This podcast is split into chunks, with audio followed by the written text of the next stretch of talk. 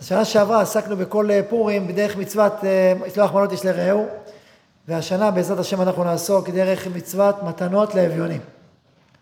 מתנות לאביונים, ונעמיק חקר בעזרת השם בסוגיה הזאת של מתנות לאביונים, ונתחיל מכל העניין של מלחמת עמלק, פרשת בשלח, ואחר כך נתעמק במגילת אסתר, וגם כן במאורעות דורנו, גם כן.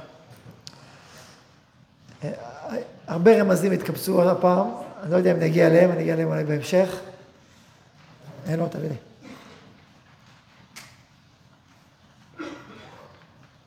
יישר כוח, תודה.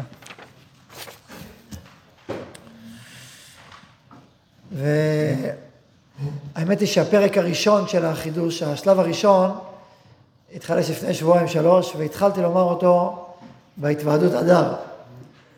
שעשינו עם הרב אחיה, אז זה היה ככה הפרק א', ואחר כך כל פעם התווסף עוד פרק ועוד פרק, רק שנהיה פרקים הרבה.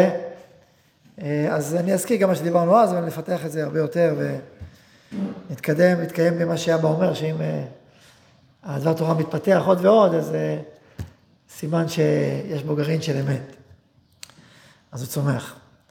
אז בואו נתחיל, נתחיל מה, בעצם מלחמת עמלק, אבל קדמה מלחמת עמלק, זה מקום מספר אחד, אנחנו רואים שאחד ושתיים, עם ישראל מתלונן, יוצא למדבר וחווה את כל החוסר של המדבר, תחשבו, מדבר הגדול והנורא. צריך הרבה אמונה בכלל ללכת אחרי משה למדבר, זה אנחנו רואים, כה אמר, מצא חן במדבר, שריד אחד, זכרתי לך חסד נעורייך, אהבת גדולתייך, לכתך אחריי במדבר בארץ לא זרועה. שעם ישראל הולך במדבר אחרי השם, זה כבר חסד נעורים, כמו שכלה הולכת אחרי החתן, איפה שהוא גר, לא משנה, הוא גר על איזה גבעה, בלי מים ובלי חשמל ובלי תשתיות, והיא הולכת אחריו, יהיה בסדר, אנחנו נמצא ונצליח.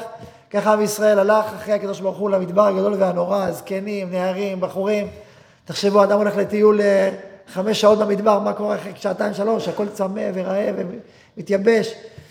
עם ישראל הולך במדבר ככה, בלי כלום, מה, כמה מצות, מה אתה עושה במצות במדבר? וזה, עצם זה, הליכה במדבר, זה כבר זכות של עם ישראל.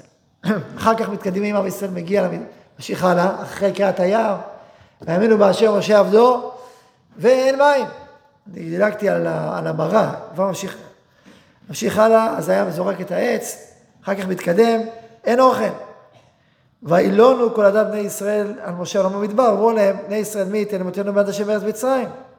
יש לנו אסיר הבשר, אין, אין, רעבים, אין מה לאכול. תחשבו על זה, ילדים הקטנים מבקשים לאכול, אדם, כמו עכשיו בתענית, נו. אדם בתענית, אין אוכל, עכשיו מה? כתוב רעבים. מסתכלים ימינה שמאלה, אין כלום. באים למשה רבנו, מה, מה, מה אנחנו עושים פה בדיוק? וילונו. ואמר השם משה, איני ממתיר לכם לחם מן השמיים.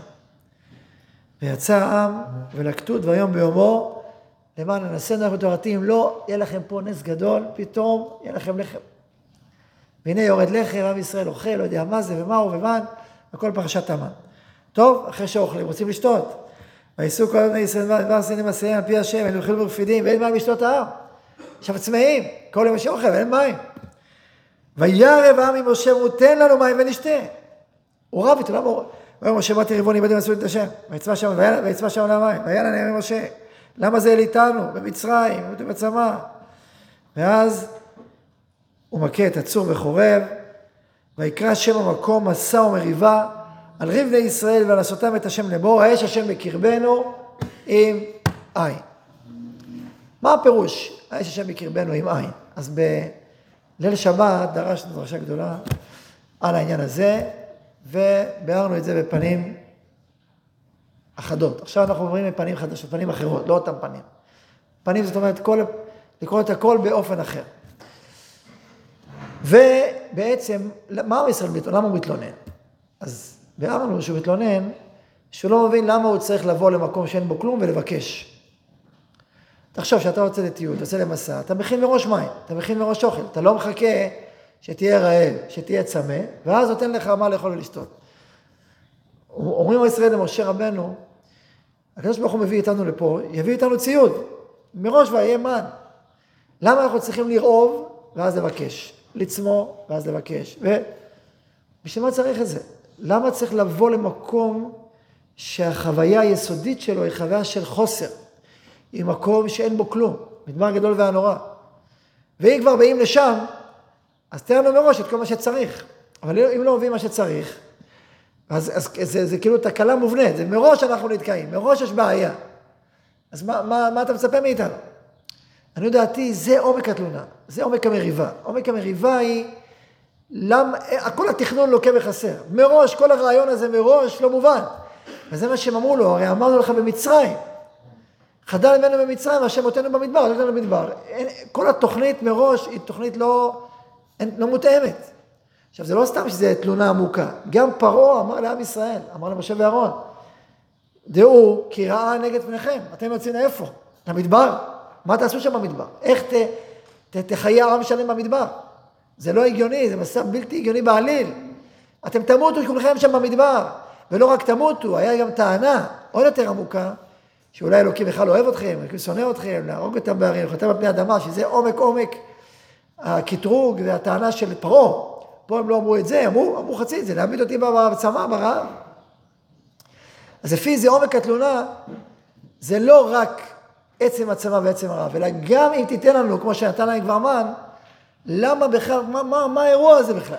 למה אנחנו בכלל נמצאים במרחב שכולו הוא מרחב לא מותאם לעם לחיות בו?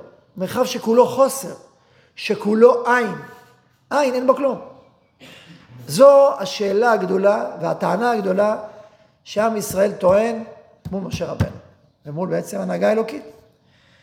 וזו הטענה, נסותם את השם לאמור, היש השם בקרבנו עם עין. לפי הביאור הזה, אומרים יש השם בקרבנו, אנחנו נמצאים פה בתוך המרחב הזה החיצוני. אז אני מבין שקדוש ברוך הוא יכול להביא דברים, יש שם בקרבנו, אבל מה, מה, מה, מה, מה קורה בכל העין הזה? כלומר, אנחנו נמצאים במרחב שהבסיס שלו, שם אני לא רואה את אלוקים. אני רואה את אלוקים כמופיע מה שאני צריך. אני צריך הגנה, יש לי ענן. אני צריך אור, יש לי עמוד אש. אני צריך מן, הוא נותן לי אוכל. אבל עצם המרחב של המדבר, מה איתו? האם המרחב הזה שייך לאלוקים או לא שייך לאלוקים? כלומר, אני רואה של... איך אלוקים נותן לי מתנות, נותן לי דברים, אבל המרחב של החוסר, מרחב המדברי, מה איתו? ופה, פה נעוץ הסיפור, פה נעוץ העניין. שבעצם, לא סתם הקדוש ברוך הוא הביא את עם ישראל למדבר. הביא את עם ישראל לחיות במרחב שה-DNA שלו, שהבסיס שלו, בסיס של אין, לא בסיס של יש. הם יושבים על העין, לא על יש. זה לא סתם, זה לא טעות. יש פה לימוד גדול. הקדוש ברוך הוא רוצה שנעבור דרך חוויית העין. שנעבור דרך חוויית החוסר, שנשב על הבסיס של עין. למה? מה יש בבסיס הזה? כי אם אתה נמצא בבסיס של עין, אז אתה פתוח ליש חדש. כאשר אתה נמצא בתוך יש, אתה לא יכול להגיע ליש בדרגה אחרת. כאשר אתה, זה יש מה שיש לך, יש לך, נגמר. אבל כאשר אתה נכנס למרחב של עין, ופתאום אין לך מה שיש לך, אז יכול להיות אחד מהשתיים. או להתנתק ולכפור ולהתלונן ולהרגיש את העין הזה כמרחב מוחלט, כמרחב סגור. אין פה, אז אין פה ונגמר העניין. או להסתכל על העין כמבוא ליש עוד יותר פנימי ועוד יותר עמוק. העין הוא עין מהיש הקודם, אבל הוא פתח ליש חדש ונעלם ונסתר. ואומר לנו הקדוש ברוך הוא, המסר של להביא אותנו לחוויית עין, תיפתחו למרחבים חדשים שלא הכרתם ולא שיערתם ולא חלמתם עליהם. ואז הנפילה של ישראל בהקשר הזה, זה לא שהוא צמא ורעב, זה פשוט, זה גם לא שקשה לו העין, גם זה טבעי. אלא למה לריב? אתה מתלונן, אתה כאילו, יש איזה מין טינה בלב. תתפלל, תתפלל, תשאל, תבקש.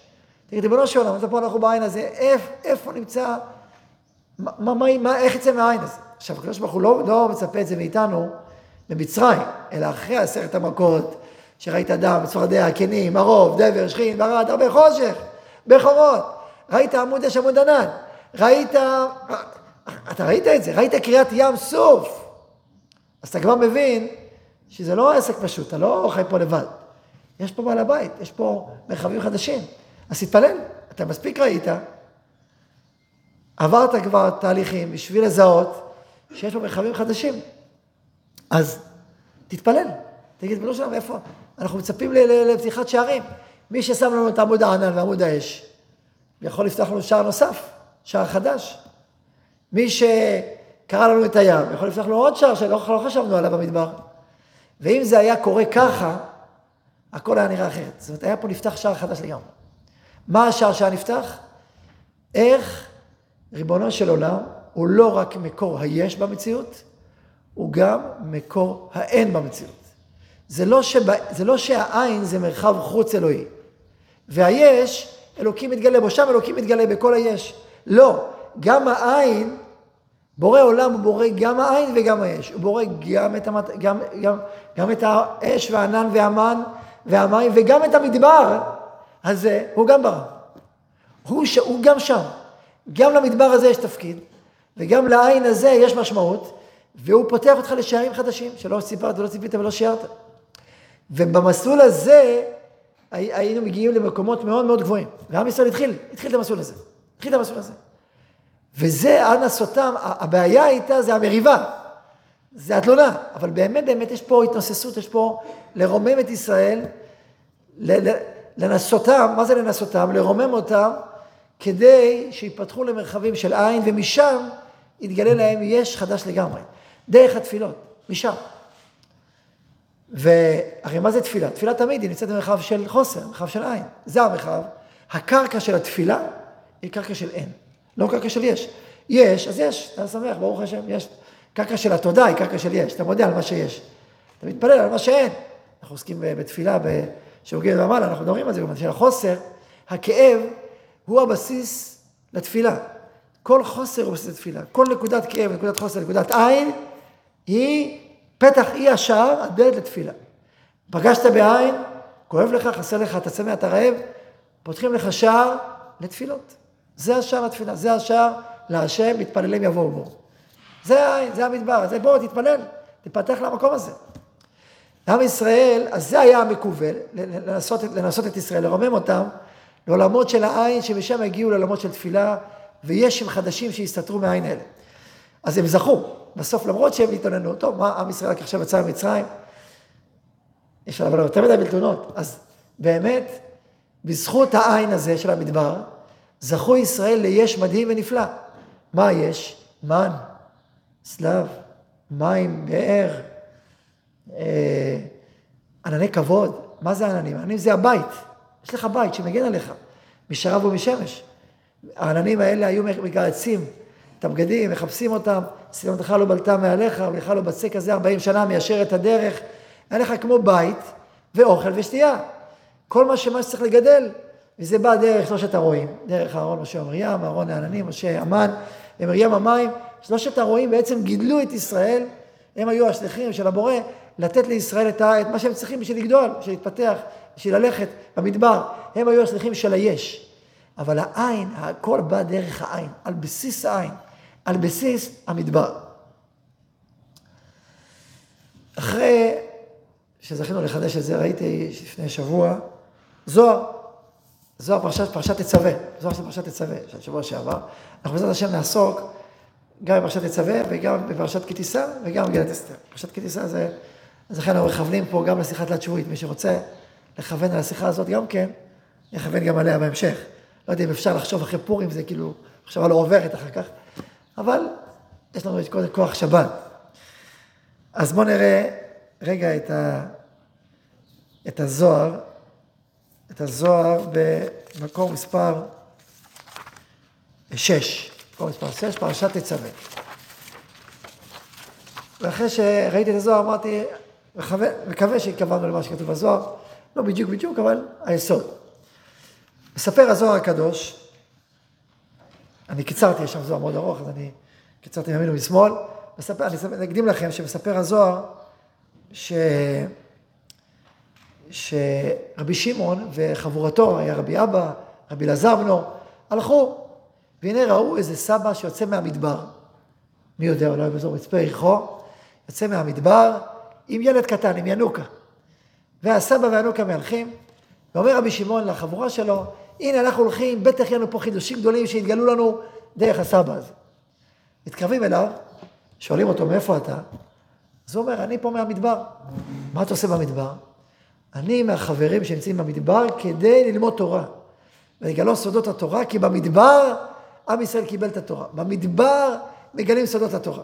כך אומר להם הסבא. טוב, אולי תגלה לנו משהו שלמדת פה במדבר הזה.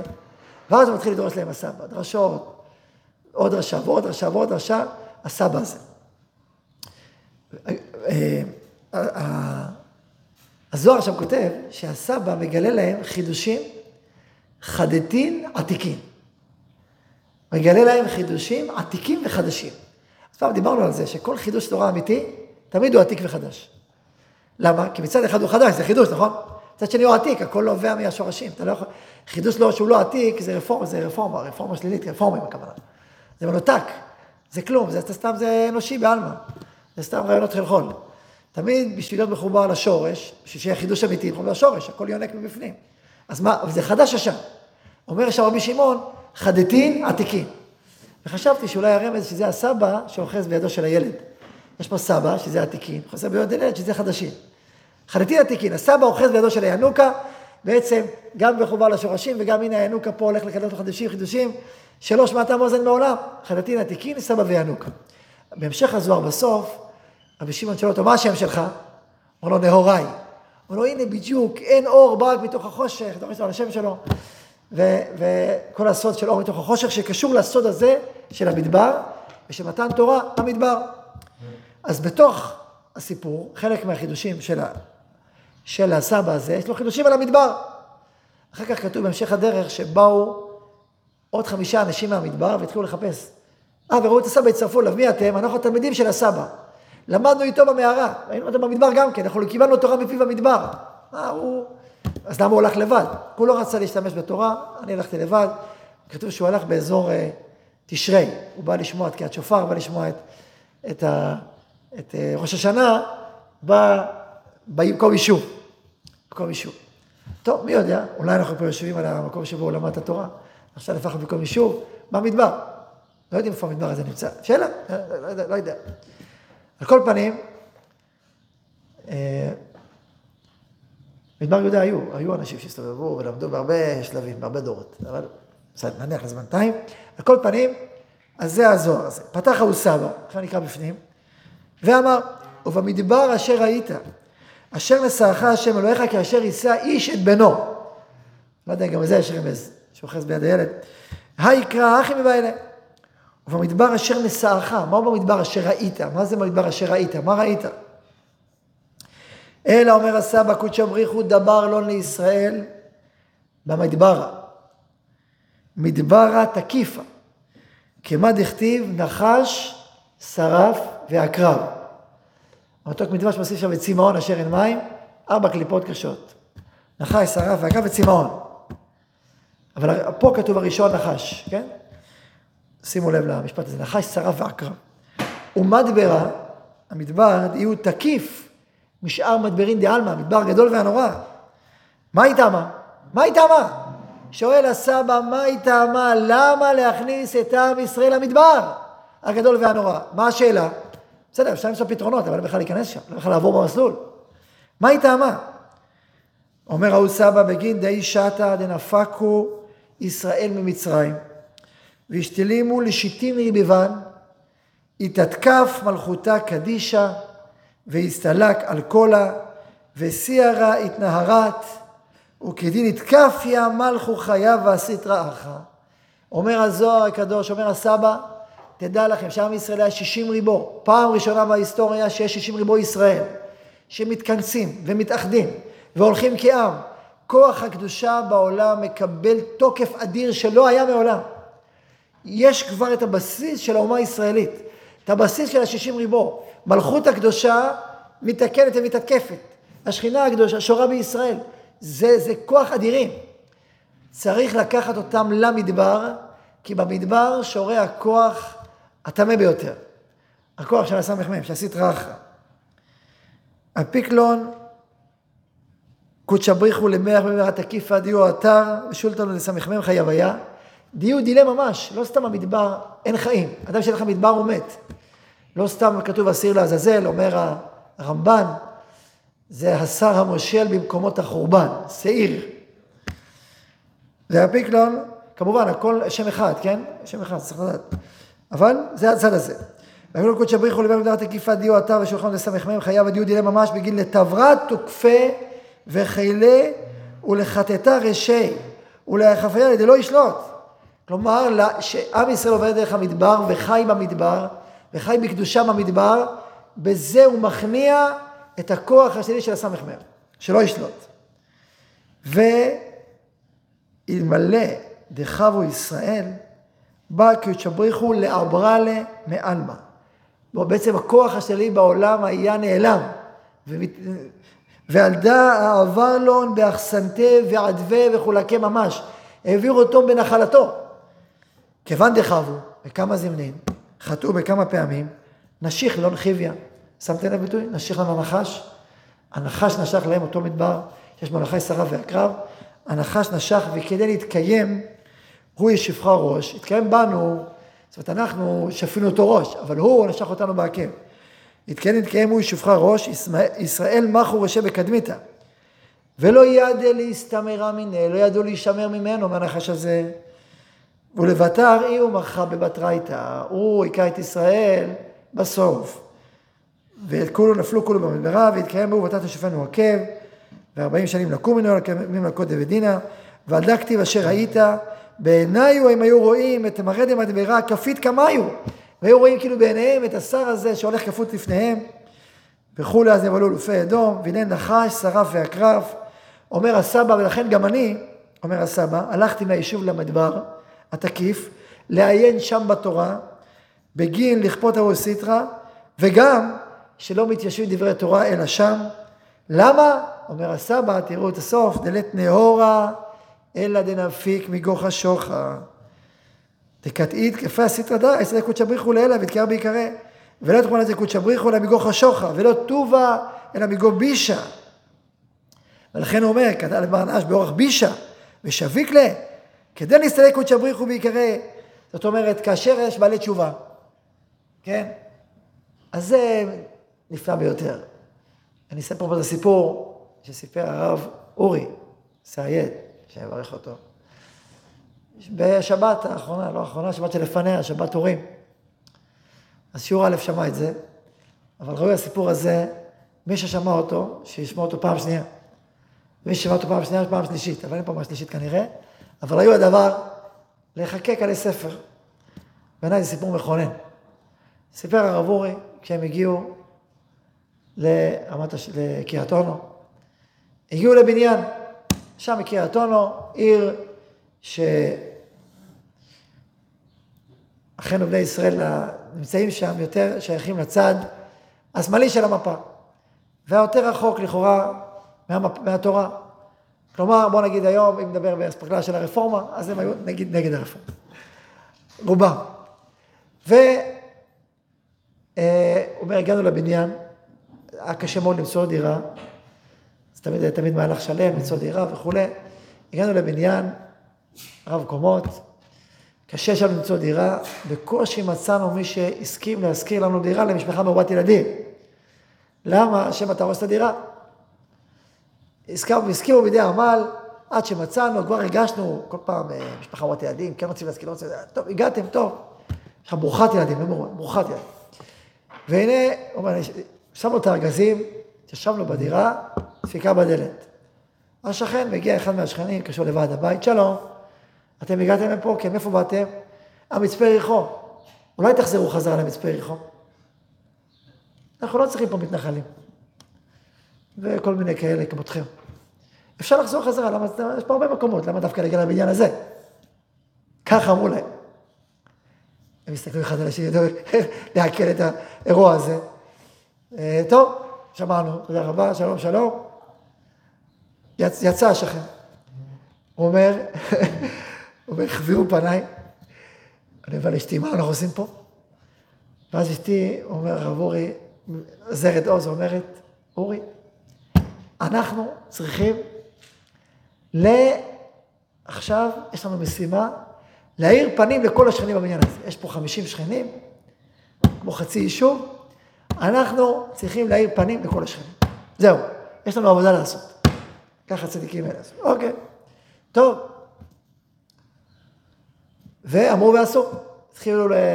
כל פעם אומרים, עולים בבניין, עם המעלית, יורדים, אומרים שלום לזה, שלום לזה, שלום לזה. מחבקים, מחייכים, מתחברים, מדברים, ולאט לאט התחילו להתקרב, השכנים, להתחבר ולאהוב. אבל הייתה שכנה אחת שהיא שום פנים ואופן. מה זה לא מוכנה? כל פעם אומרים, לו שלום, סובב את הראש. אחי, במעלית, זה לא נעים, אתה אומר ש... ימינה, שמאלה. הגיע פורים, אמרו, יש לך בנות, מה יש כמו פורים? יש לך בנות, איש לרעהו. איש לרעהו, הולכים ודופקים בדלתות, לשלוח מנות, כולם שמחים, מקבלים לשלוח מנות, אתה יודע, פורים משמח, פורים משמח. מגיע הדלת של השכנה הזאת, דופקים בדלת, לשלוח מנות, תוך את הדלת. טורק את הדלת. לא רצית מה... טוב. משלוח מנות יש לרעהו, התקיים בכל הבניין, אבל אצל השכנה הזה לא התקיים. השכנה הזאת. ושנה, שנתיים, שלוש, והיא, והיא, היא במקומה. לא פשוט, אבל כל השאר התחברו. והנה, יום אחד, מספר, אנחנו נמצאים בבניין, מסתכלים בחלון, ואז רואים את השכנה הזאת למטה, באה, עלות לבניין, היא באה עם סלים גדולים, ומעדה, ונפלה. מעדה ונפלה. הרב אורי אמר לאשתו, רוצי, מה היא רוצי, תעזרי לה, תעזרי לה, תרים כל הסלים, כל הזה, תה, תה, תה. אשתו באה, באה, בואי תעזרי, לא, לא צריכה, לא, בואי, מה, נפלת עכשיו זה. טוב, נתנה לה לקחת את הסלים, ולקחת את הסלים עד, עד הדלת, ואז אה, שמה את הסלים, בא להיכנס, לא, אל תיכנסי הביתה, לא, לא, אני אכנס, בואי, זה כולי חבולה. נכנסת פנימה, ועם הסלים פנימה. ואז היא מסתכלת עליה, מסתכלת עליה, אז היא אומרת לה, טוב, אני יודעת שלא התנהגתי לכם כמו שצריך, אבל אתם השכנים הכי נפלאים פה בכל הבניין. כך היא אומרת לה.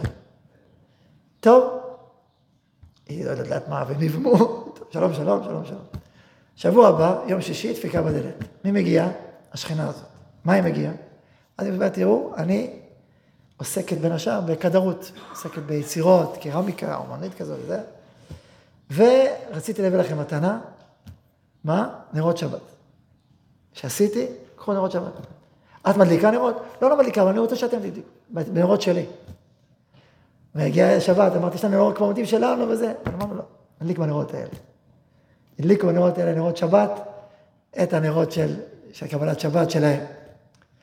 זה אני אומר, זה הסיפור. מאז זה, התחברו. זה אני אומר, לית נאורה אלא מכוח השוחר. האור של נרות שבת האלה, כמה הם שווים? מה המשקל שלהם?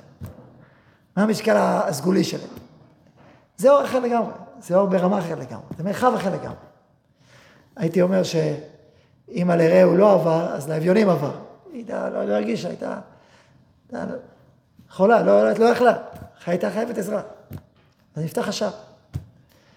אז לית נהורה אלא מגוך השוחר, וכאשר אדם שהוא רחוק, רחוק ממה הוא רחוק? רחוק מהתורה, רחוק מהנשמה שלו, רחוק מהקדושה.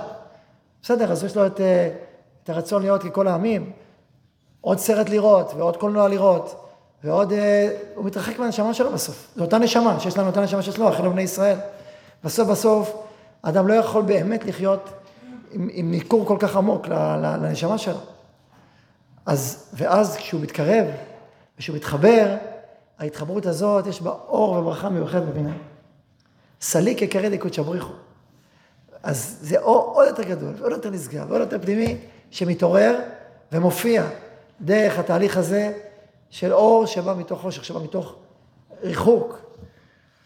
זה מה שהוא אומר, קלעד ברנש באורך בישה ושביק לה כדי להסתלק.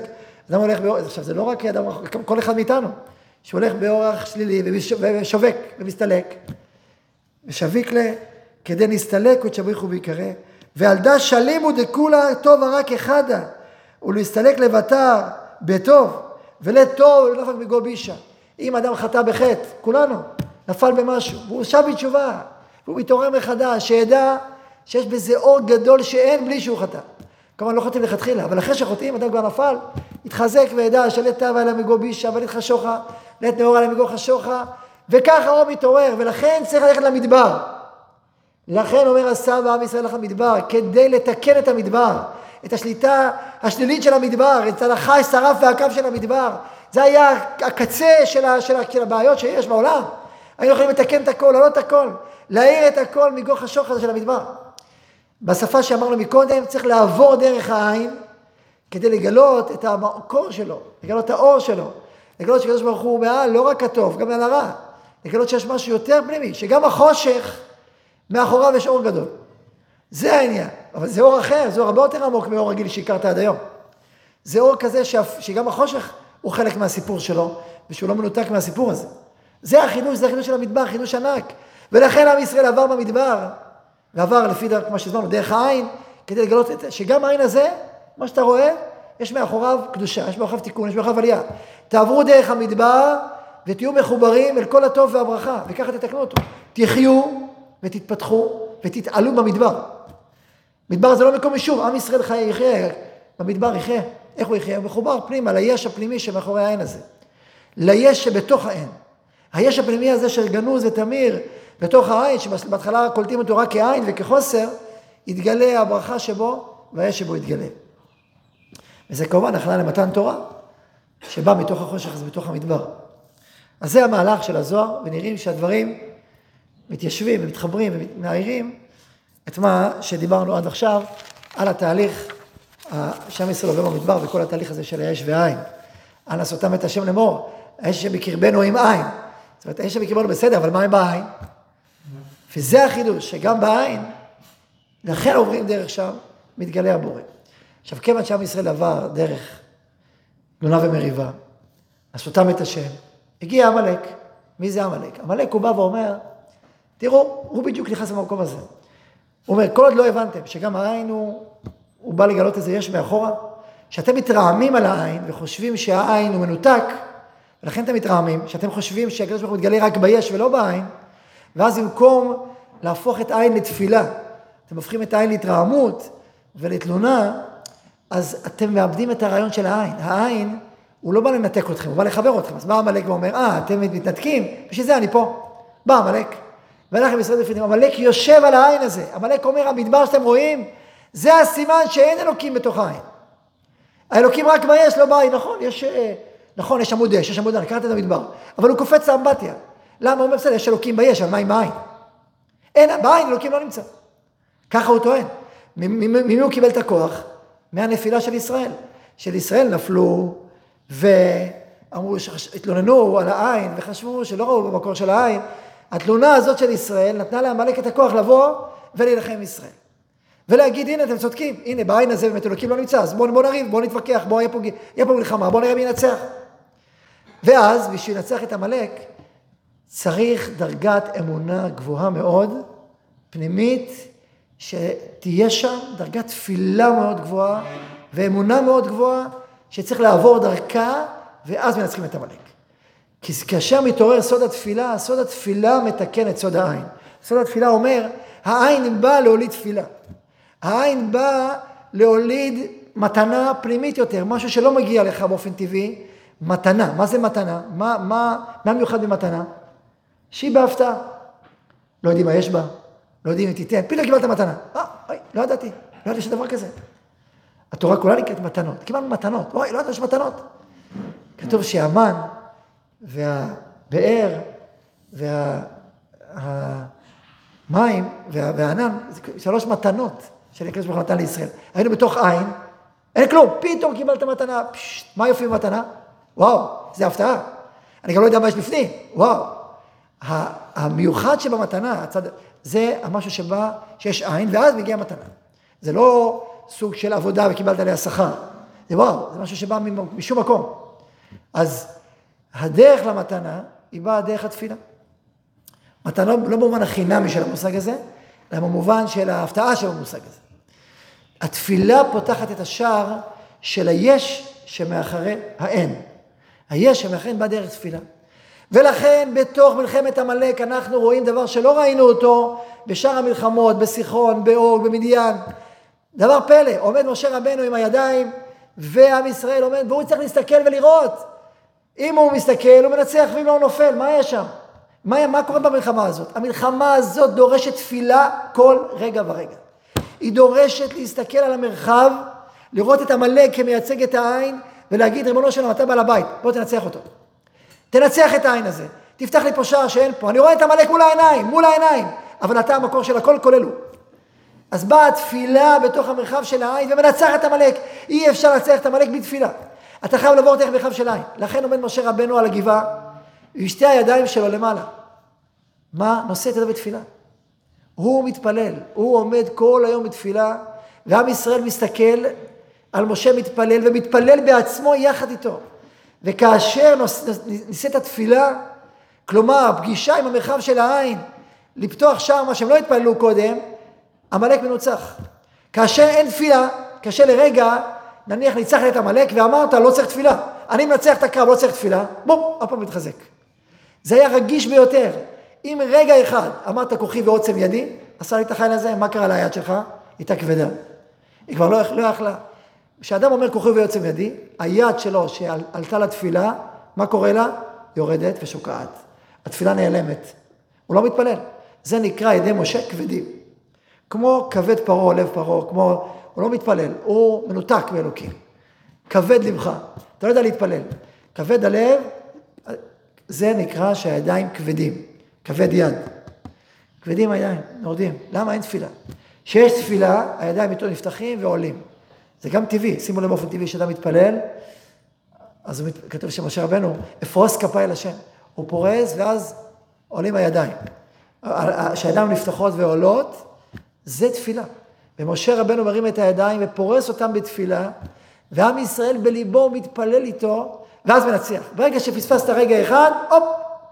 תחשבו, זה לא פשוט להיות כל מיני תפילה, ובמלחמה בבת אחת. אבל זה הסוד של מלחמת עמלק, סוד התפילה. ולא רק סוד התפילה, סוד התענית. למה ידי משה כבדים? אז קודם כל נראה מה שאמרנו סוד התפילה, נראה את זה כתוב בפירוש. תראו ב... תראו בזוהר, במקום מספר 4, בזוהר. רק השם ירים משה ידו וגבר ישראל, כאשר ירים זקיף ימינה לשמאלה, והתכוון בפריסוי דידוי, התכוון בלפרוס את הידיים, וגבר ישראל. איזה ישראל? ישראל דלעילא. הוא אומר שהייתה פה מלחמה, גם מלחמה רוחנית עליונה. וכאשר יניח ידו וגבר עמלק, ואז הוא אומר, בשעתא דישראל דלתתא, לתתא, למטה, משתכחין בצלותה, נמצאים בתפילה, לא יכלין משתכחים, סליחה, הפוך, הם הפסיקו את התפילה, לא יכלין ידי משה למי כאן בזקיפו וגבר עמלק. וכאן לפנה, אף על גב דה כהנא פריס ידוי בקורבנה דתקנה גרמה וכולה ישראל ביין להשתכחן בצותה עימה. חסר פה את ההתחלה של הזוהר, ששם הוא כותב שמשה עמד בתפילה וישראל עומדים בתפילה איתו. וכאשר ישראל הפסיקו להתפלל, משתכחין בצלותה למטה, הפסיקו רגע, לא יכלין ידי משה למי כאן בזקיפו, ידי משה לא יכלו לעלות, וגבר עמלק. לכן אומר הזוהר, מכאן אני לומד שכהן, שהוא פורס ידו בתפילה על הקורבן, לתקן את עצמו בקול, אז ישראל, הישראל שעומד שם, במאמץ, או במעמדות, שכאילו בתפילה, או אה, מי שעומד על הקורבן, צריך בעיין להשתכחה בצלותיון אימה. לא מספיק שהכהן מתפלל עבורך, אתה צריך להתפלל יחד איתו. בלבך, אתה, לכן היו מעמדות, שהיו יחד עם הקורבנות, של כלל ישראל. וגם מי שהביא קורבן צריך להתפלל יחד עם הכהן. כמו שישראל פה התפללו יחד עם משה, ונתנו למשה את הכוח להרים את היד. שליח ציבור לא יכול להתפלל בלי ידי הציבור. תשאלו את החזנים. נכון, ימים נוראים, תמיד, מה, מה איפה הציבור? בכלל, כשיש ציבור, אז שליח ציבור מתרומם. כשהציבור נרדם, שליח ציבור נרדם איתו. ככה זה. משה רבנו מרים את היד בתפילה, והוא מצליח בתפילתו כאשר ישראל איתו, באמצע התפילה. אבל החידוש הוא שהם התפללו באמצע המלחמה. ממש, ממש, זה כאילו כל הזמן כמו עם משה רבנו זה ממש תפילה, תפילה תוך כדי מלחמה. זה הדרך היחידה לנצח את עמלק שמבטא את העין. אתה לא יכול לנצח מישהו שמבטא את העין בלי תפילה. התפילה בוקעת העין ומגיעה ליש, וככה מנצח את עמלק, מעיינת אותו, מאבדת אותו מהעולם. ידי משה עולים למעלה. אבל זה לא פשוט, כל הזמן בתפילות לעמוד ככה, ולכן, שהשם יניח אותו וגם, וגם, עכשיו תראו במקום מספר שלוש, שזה לא סתם מהתפילה, זו הייתה תפילה מתוך תענית. וידי משה כבדים, אומר המדרש, באותה שעה יכו ידיו של משה כאדם שתלויים בידו שלושה כדי מים. ויקחו אבן וישימו תחתיו. ויחילו עליהם קר או כסת אחת לשב עליהן, אל עבדך שהיו שורים בתענית ציבור, והוא רצה להצטער איתם יחד יום המלחמה. ואהרון וחור תומכו אדם מזה אחד ומזה אחד, מכאן אמרו שאין פה חטאים שלושה בני אדם שהיו לפני התיבה בתענית ציבור. שליח ציבור, יש תענית ציבור. משה ישב בתענית, כמו עכשיו, כמו שאנחנו פה בתענית, משה ישב בתענית. אגב, יש שאומרים שתענית אסתר, היא בגלל התענית של משה, לפני מלחמת עמלק. כלומר, מה זה תענית? תענית זה להיות אביון, תענית זה להיות, לבוא עם אין, להיכנס לחוויית חוסר, חוויית של עין, של רעב, של צמא, נכון, עם ישראל במדבר היה רעב והיה צמא.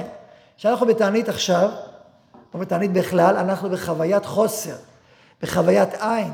לא סתם אנחנו נכנסים בחוויית עין לפני פורים.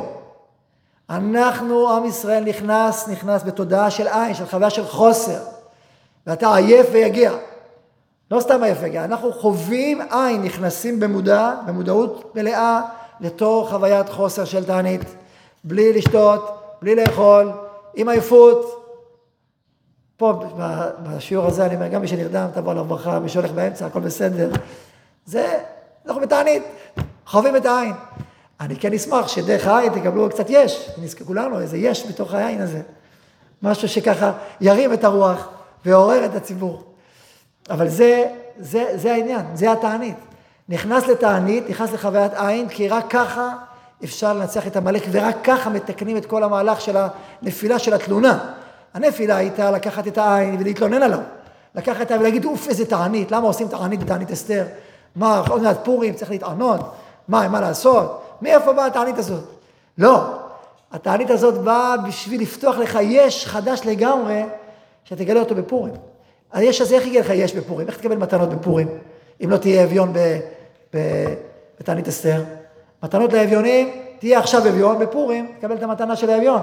אחרת אם לא תהיה אביון, מה תעשה? מה זה אביון? לשון מה? לשון הווה ורוצה וכמה. אתה לא רוצה, אתה לא רוצה, אם אין צורך, אם אין חוסר, איך יש שפע? איך יש שפע? אז סידרו לנו, בטוח יש חוסר, אין מה לעשות, תיכנס לתענית, אתה תכין טוב טוב את פורים, תרצה או לא תרצה. אלא מה? אם תתלונן, תאבד הרבה. ואם תתפלל, תקבל הרבה. לא באופן אישי אגואיסטי, זה באופן הלאומי, נדבר, נפתח את זה יותר בהמשך. אז זה העניין הזה פה של ידי משה שעומד ככה, אבל לא רק זה. מה כתוב על ידי משה? שאהרון וחור תומכים בו מזה אחד ומזה אחד.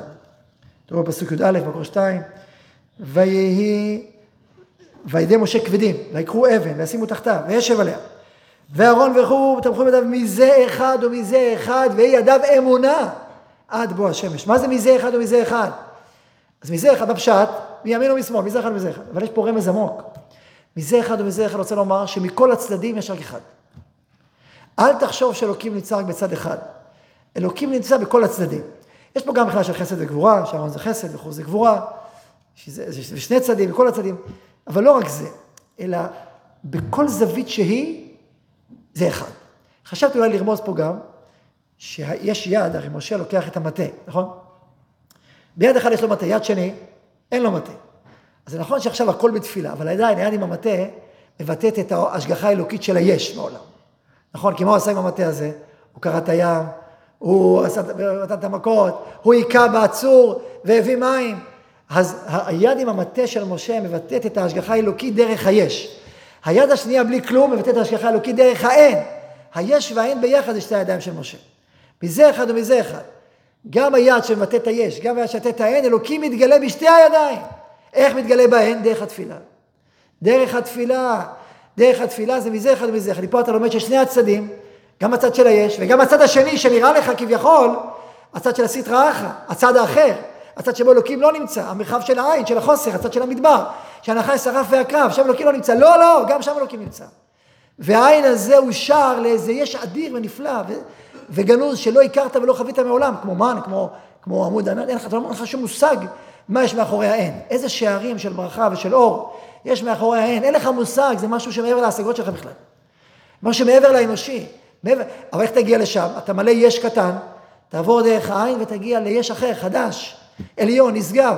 וזה מזה אחד ומזה אחד, מזה אחד ומזה אחד, השם אחד, משני הצדים. והמזה אחד ומזה אחד לא נגמר פה. הוא ממשיך הלאה אצל משה רבנו. איפה? מתן תורה. אמרנו שמתן תורה היה במדבר. הסבא הזה רצה ללמוד תורה במדבר. אנחנו עכשיו לומדים תורה במדבר. מתי, לא יודע, במדבר, זה כבר גן עדן, אני לא יודע. מדבר לידן, מסתכלים. אבל זה הנוף שלנו. אנחנו בתוך המדבר. איך, איך אפשר לעשות גם יישוב, גם מדבר? זה בזכות אה, אבי מורי שיחיה בזכות נפש שלו ושל כולם, כל ה... שהיה שותף איתו, התלמידים פה. אז מזה, עכשיו, איפה כתוב הפעם מזה? על הלוחות. הלוחות מעשה אלוהים מהזה בפרשת שבוע שלנו, פרשת כי תישא. הנה תראו מקום מספר חמש. ויפן משה מן ההר ושני לוחות בידו לוחות כתובים משני אבריהם, מזה ומזה הם, הם כתובים, מזה ומזה. הנה מזה ומזה שמענו מקודם, מזה אחד ומזה אחד, יש מזה ומזה. מה זה מזה ומזה הם כתובים? אומרים לנו חז"ל שבשני הצדדים אתה קורא, נגיד לא תרצח מפה, אתה קורא לא תרצח מצד השני, אותו דבר. איך יכול להיות? לא, כשאתה כותב משהו, חוקק משהו מצד אחד, מצד השני, אתה רואה את אותיות הפוכות. לא, אתה רואה אותו דבר. איך יכול להיות? אז זו דעתנו, זה הסוד. אני חושב שחשבתי, שזה, מה הסוד? הסוד הוא שאין סטרה אחת. זה לא שאתה רואה מפה אותיות, מצד שני, האותיות הפוכות. מה שראית הפוך, לא הפוך, ישר. איך יכול להיות? אין סדרה אחת. מזה ומזה, הסוד של, של הלוחות, היו שמזה ומזה הם כתובים. משני הצדדים אתה רואה, מפה ומפה, זה השם אחד. זה היה הסוד של הלוחות השמימיות האלה. אבל מה לעשות שהעגל למטה, והעגל למטה לא נתן ללוחות להחזיק מעמד. למה? כי העגל למטה זה הנחש שנשך את העקב שלנו. הוא נשך את העקב, ואז הראה שיש סטרה אחת, בפועל. אם יש סטרה בפועל, איך אפשר להגיד מזה ומזה הם כתובים? אז הלוחות לא יחזיקו מעמד, הלוחות השמימיות האלה. אי אפשר, זה השם אחד, זה נשגב מדי בשבילנו. כי למטה הסטרה אחת הופיע, ונשך את ישראל, דרך את העגל. אומר הזוהר, לא הבאתי לכם את זה פה, זוהר כי תישא. אומר הזוהר בהרחבה מאוד תישא, מסביר לאריכות את כל חטא העגל, ואומר שבמתן תורה פסקה זוהמה, פסקה זוהמה מנהיו, מזה ומזה כתוב, מה זה פסקה זוהמה? הנחש, גם אחרי אדם הראשון נגמר, הנחש הקדמוני נעלם, עץ הדעת טוב ורע, אין, הכל הכל עולה למעלה, מזה ומזה הם כתובים, כך אומר הזוהר. ופסקה מנהיו, פסקה זוהמת הנחש, אומרים חז"ל, אבל הזוהר גם מסביר, שזה בדיוק תיקון אחרי אדם הראשון, זה כמו, כמו, כמו חז"ל. אלא מה? אומר שברגע שחטאו בעגל, אומר הנחש חזר לחיות את זה. אז זוהמת הנחש חזרה, ולכן כבר הלוחות נשברו, לכן משה רבנו יצא החוצה. וזה, ושם כתוב, אומר, שם יש רבי שמעון שאומר על אהרון הכהן, אוי אהרון הכהן, החסיד, הקדוש, העליון, איך לא נשמרת מחתומי מצרים? זה הרמז פה, לא הסתמרו מנהיו, לא הסתמרו מהנחש, כי הנחש ערב, איך זה הגיע דרך הערב רב. אני אגיד עכשיו את זה בסוגריים קצרות, ואחרי זה נמשיך למהלך המרכזי. ערב רב האלה, החרטומים, דיברנו, הזכרנו אותם כמה פעמים אה, הם היו, הם באו ומשה רבנו הכניס אותם פנימה. אמר לו הקדוש ברוך הוא, אל תכניס אותם. אומר לו משה רבנו, אבל מה, דווקא דרכם, דווקא כשהחרטומים אומרים כן, זה הכי טוב, זה, הנה זה מגלה שגם הם שייכים, גם הם שותפים, אפילו הם. ערב רב, הלשון של הרב, והזוהר מסביר ערב רב לשון הערב. קשור למושג הזה של בוא השמש. גם מושג רע, גם כמה יש מושגים בערב רב, והם הצטרפו. אומר הזוהר, שהקדוש ברוך הוא אומר לו, למה אתה מקבל אותם? עכשיו אמרו לו, אני רוצה לקבל אותם, הקדוש ברוך הוא כאילו שתק, ככה נשמע. ואז משה הכניס את הערב רב. הם היו הולכים בדרך, אבל הם היו מחוץ לעננים. ואת המן הם לא מקבלים ישירות, אלא רק מהפסולת של מה שנשאר בישראל. כתוב, דחו במדוחה, נכון, לש הוא זה, מלאכת לש, מלאכת טוחן. אז uh, הפסולת זה כאילו, הפסולת של המן הגיעה לערב רב. והעננים, הם היו מחוץ לעננים. זאת אומרת, הם כן אה, זה כן עזר להם העננים, כן, כן היה להם איזה מגע במן, אבל לא באופן, לא להיות חלק מישראל אלא בחוץ. ועל זה הם התרעמו. ולכן, כשמשה רבנו עלה לשמיים, הם אמרו, או, או, אחד מהשתיים, או שאנחנו איתכם לגמרי, או שאנחנו עושים פה רגל. אנחנו, אנחנו גם רוצים אלוקים אשר לא לפנינו. הם אומרים, עמוד האש, עמוד הענן הולכים לפניכם, והשם הולך לפניכם יומם, אבל אנחנו לא בתוך ענן. אז יהיה לנו אלוהים אשר ילכו לפנינו. מה האלוהים שלנו? העגל. מה זה העגל אומר הזוהר? זה כאילו, השור והחמור. כאילו, דוחה ונוקבה של הצד השלילי. זה, זה הכוח. הם המשיכו את הכוח הזה, נתנו לו תוקף של הסטרא אחרא, של השור והחמור, ששניהם היו בתוך העגל. ככה הוא מסביר באחריות, חמור זה הבחינה של פרעה, מבחינה של מצרים וכולי וכולי, ככה הוא מסביר שם בהרחבה. ומתאר איך זה בדיוק עבד, ואיך הם עשו, ואיך הם המשיכו את רוח חתומה שם, וכולי, ועם ישראל, ואהרון הכהן שלא נשמר ולקח מידם, ועצר אותו בחרת, תהליכים שלמים, שגרמו לעגל הזה לדבר. כאילו, כאילו יש לו רוח חיים. כאילו יש לו רוח חיים. איך יש לך רוח חיים במדבר אחרי מתן תורה? זה היה הבעיה, זה היה, לכן הלוחות נשברו בגלל זה.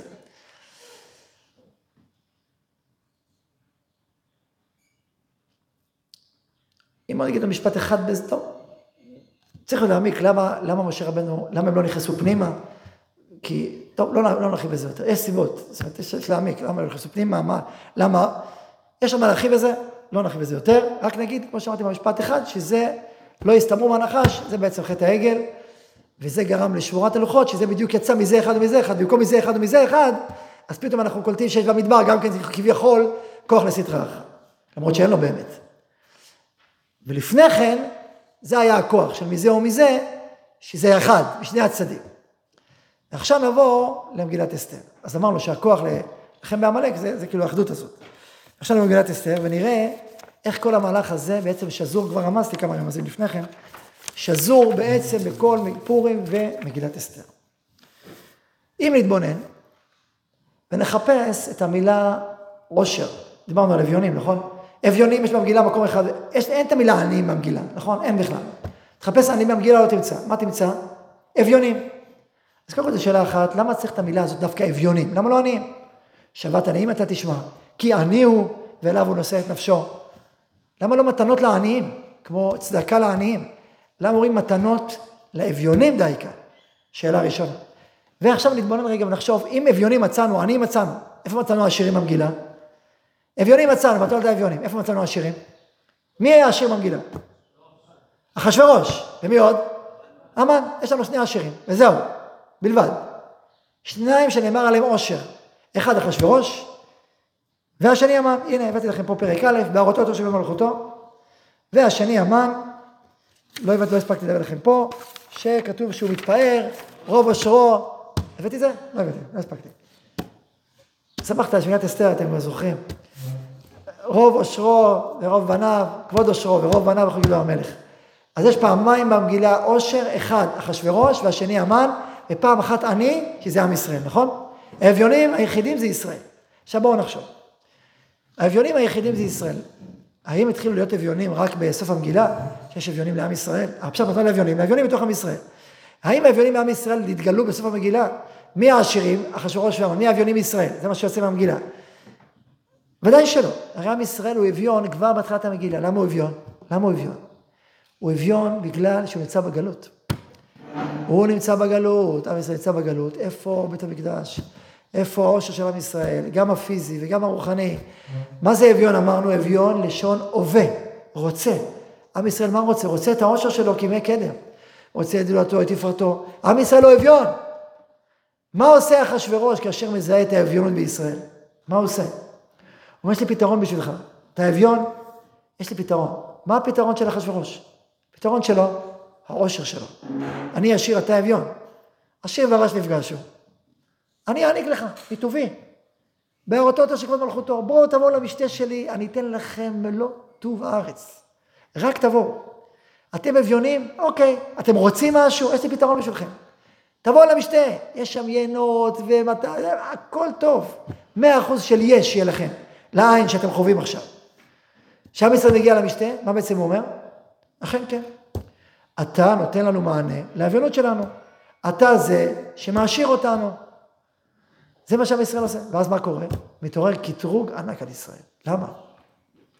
כי עם ישראל אביון ממה? באמת אביון ממה? מהכסף והזהב?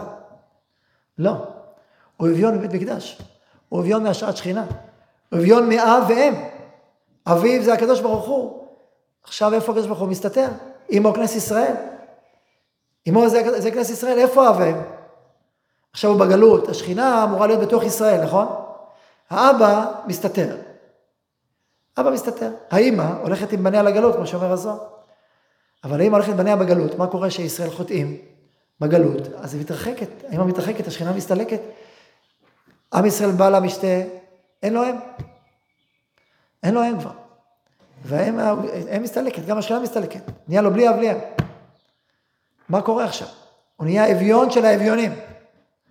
אבל הוא, הוא, הוא חושב שהוא עשיר, הוא לא עשיר, הוא אביון. אביון ענק. אז מה אם יש לו אה, מיליארד דולר אה, כמו של אחשוורוש? בשביל זה הוא עשיר? ממש לא. מה יותר חשוב לעם ישראל? העוצמה הרוחנית הפנימית שלו, הזהות שלו, מי הוא ומה הוא, מה הוא רוצה מעצמו, למה, מה הוא עושה פה בארץ הזאת, או עוד שתי מיליארד, או עשרה מיליארד, מה יותר חשוב? יש שאלה בכלל? ברור שזה הרבה יותר חשוב, הזהות, והרוח, והפנימיות, והטעם אנחנו פה ולמה נהיה פה. הכוח המסירות שלנו שווה פי עשר, פי עשרים, מעשרה מיליארד דולר. הרבה יותר. גם הכוח מסירות הנפש של צבא, הוא בא מהכוח הזה, לא מכוח אחר. אז אם אנחנו מתנגדים לעשרה מיליארד, ממש לא. אנחנו בעד עשרה מיליארד. וברכך השם הולך בארץ. אם יש אנשים שעובדים בשביל זה, אנחנו מברכים אותם ומתחברים איתם, מאפשרים, מאפשרים. אבל, מה העיקר? אם העשרה מיליארד זה במקום בית מקדש, זה במקום עושר, מה, מה, מה, מה, מה זה הדבר הזה בכלל? מה הכוח שיש לו? הוא, הוא כאין, הוא כאפס מול הרוח הפנימית הישראלית, מול העושר הפנימי הישראלי. ומתוך זה צריך ברכה בפועל, זה מצוין, ככה צריך, ברכה השם אלוקיך בכל מעשה ידיך. תהיה בארץ ישראל, תהיה במקדש, יהיה ברכה ענקית. זה מה שאנחנו רוצים, וזה מה שמתקיים בנו. ויתקיים בנו עוד ועוד. אבל כסף מול ערכים, כסף מול רוח, מול קדושה, מול זהות יהודית, מה הכסף? מה, מה, מה זה בכלל, מה, מה שמים זה לעומת זה? זה בכלל לא משתווה אחד לשני. לא משתווה. רמזו ונרמז, נכון?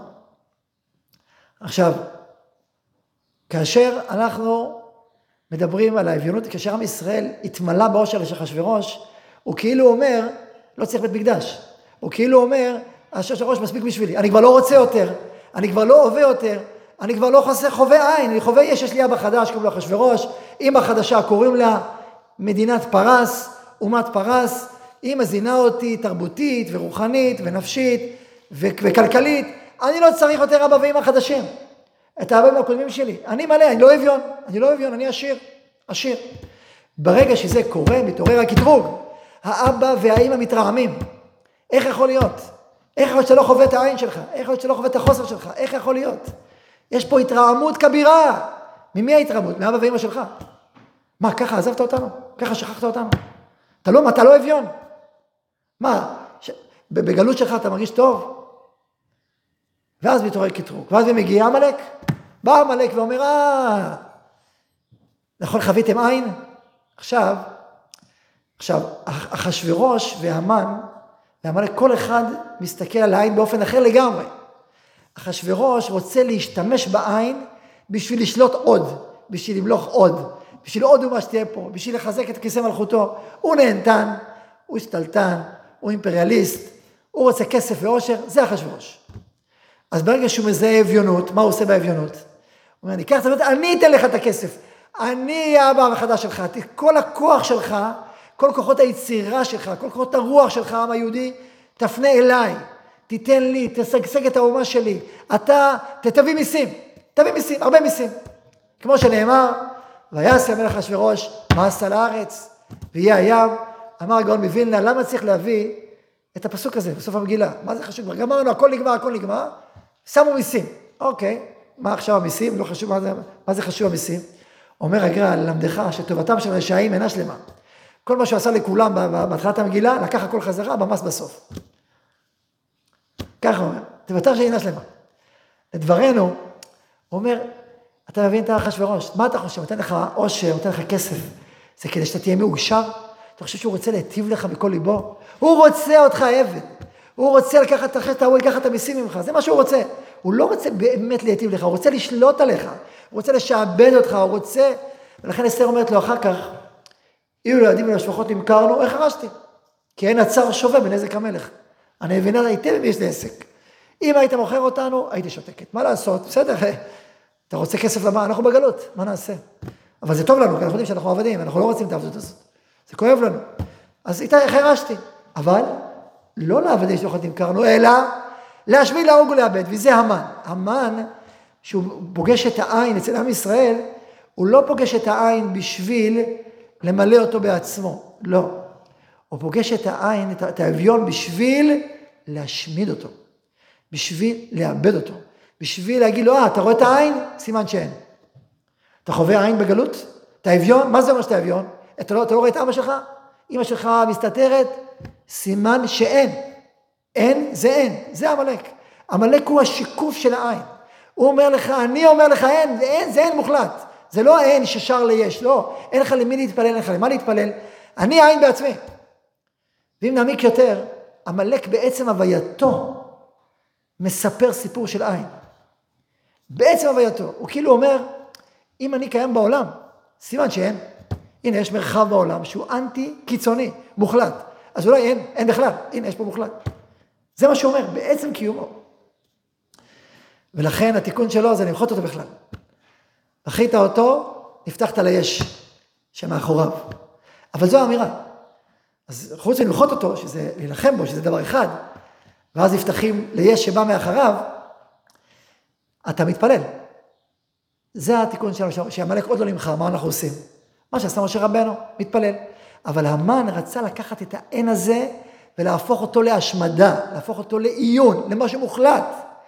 ולכן אומר המן לאחשוורוש, ישנו עם אחד מפוזר ומפורד, ולמלך אין שווה להניחם.